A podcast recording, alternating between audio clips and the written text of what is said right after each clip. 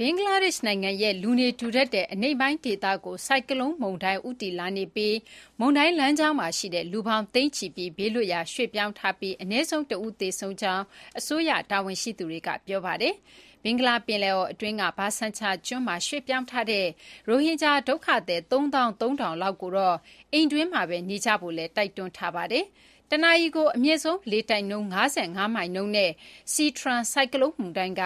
ဘင်္ဂလားဒေ့ရှ်နိုင်ငံတောင်ပိုင်း Khepupara မြို့အနီး ကုန်းတွင်းပိုင်းကို အင်္ဂါနေ့မနက်ပိုင်းမှာ ဝင်ရောက်မယ်လို့ ဘင်္ဂလားဒေ့ရှ် မိုးလေဝသတာဝန်ရှိသူတွေက ခန့်မှန်းထားပါတယ်။မုန်တိုင်းဒီရေက ပုံမှန်ထက် ၁၀ ပေလောက်ထိ မြင့်တက်နိုင်ကြောင်း ခန့်မှန်းထားတာကြောင့် လူပေါင်း သန်းချီနေထိုင်တဲ့ဒေသတွေ ရေမြုပ်သွားနိုင်တဲ့ကိစ္စက